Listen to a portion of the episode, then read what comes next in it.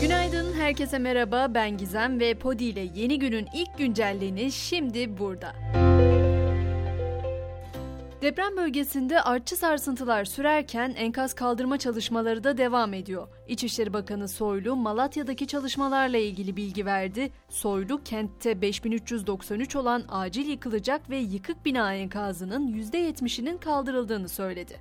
Öte yandan felaketin üzerinden neredeyse iki ay geçti ve özellikle sürdürülebilir yardım konusuna her zaman dikkat çekmek istiyorum. Aile Bakanlığı sahaya ulaştırılan güncel yardım listesini paylaştı. Listeyi inceleyerek yardımlarımızı yönlendirmekte fayda olacaktır diye düşünüyorum.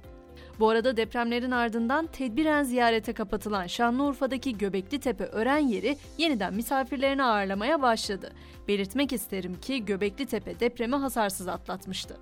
Gelelim seçim gündemine artık seçimlere 40 gün gibi kısa bir süre kaldı ve siyasette de hararetli dakikalar yaşanıyor. Yüksek Seçim Kurulu Cumhur İttifakı'nın Cumhurbaşkanı adayı Erdoğan'ın üçüncü kez aday olamayacağı iddiasıyla ilgili başvurunun red gerekçesini açıkladı. 2018 seçiminin Cumhurbaşkanlığı hükümet sisteminin ilk seçimi, bu seçiminde Erdoğan'ın ikinci adaylığı olduğu belirtildi. Millet İttifakı adayı Kılıçdaroğlu'nun ise seçim kampanyası için bir bağış kampanyası başlatıldı. 7 bin liraya kadar bağışlar makbuz karşılığında elden, 7 bin lira üzeri ise banka hesaplarına yapılabilecek. Öte yandan Kılıçdaroğlu iktidara gelmeleri halinde emekli bayram ikramiye tutarını 8500 liraya yükselteceklerini açıkladı.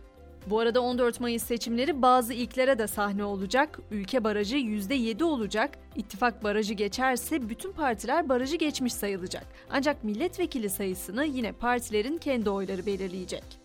Yerli otomobil konusuna geçecek olursak ilk TOG dün Cumhurbaşkanı Erdoğan'a teslim edildi. TOG bugün de Azerbaycan Cumhurbaşkanı Aliyev'e teslim edilecek. Aliyev TOG'u Erdoğan'ın ardından teslim alan ikinci kişi olacak. Paris'teki yasakla gündeme gelen elektrikli scooter kullanımına yönelik olaraksa İstanbul Büyükşehir Belediyesi harekete geçti. Buna göre 1500 scooter park alanı açılacak ve yaya trafiğinin yoğun olduğu bölgelerde hız sınırı 12,5 kilometre ile sınırlandırılacak. Hemen biraz da dünyadaki başlıklara göz atalım. Finlandiya'nın NATO üyelik süreci tamamlandı. Kuruluşunun 74. yılında NATO yeni üye Finlandiya'yı ittifakın 31. üyesi olarak kabul etmeye hazırlanıyor. Finlandiya'nın bayrağı bugün NATO karargahına çekilecek. NATO Dışişleri Bakanları da bugün Brüksel'de toplanacak. İki günlük toplantıda bakanlar Ukrayna'nın yanı sıra terörle mücadele, İran, Rusya ve Çin konularını ele alacak. Hazır Rusya-Ukrayna demişken savaş gündemine de bakalım. Rusya bir kafede meydana gelen patlama esnasında hayatını kaybeden savaş yanlısı blog yazarı Tatarski'nin ölümüne ilişkin ilk gözaltının yapıldığını duyurdu.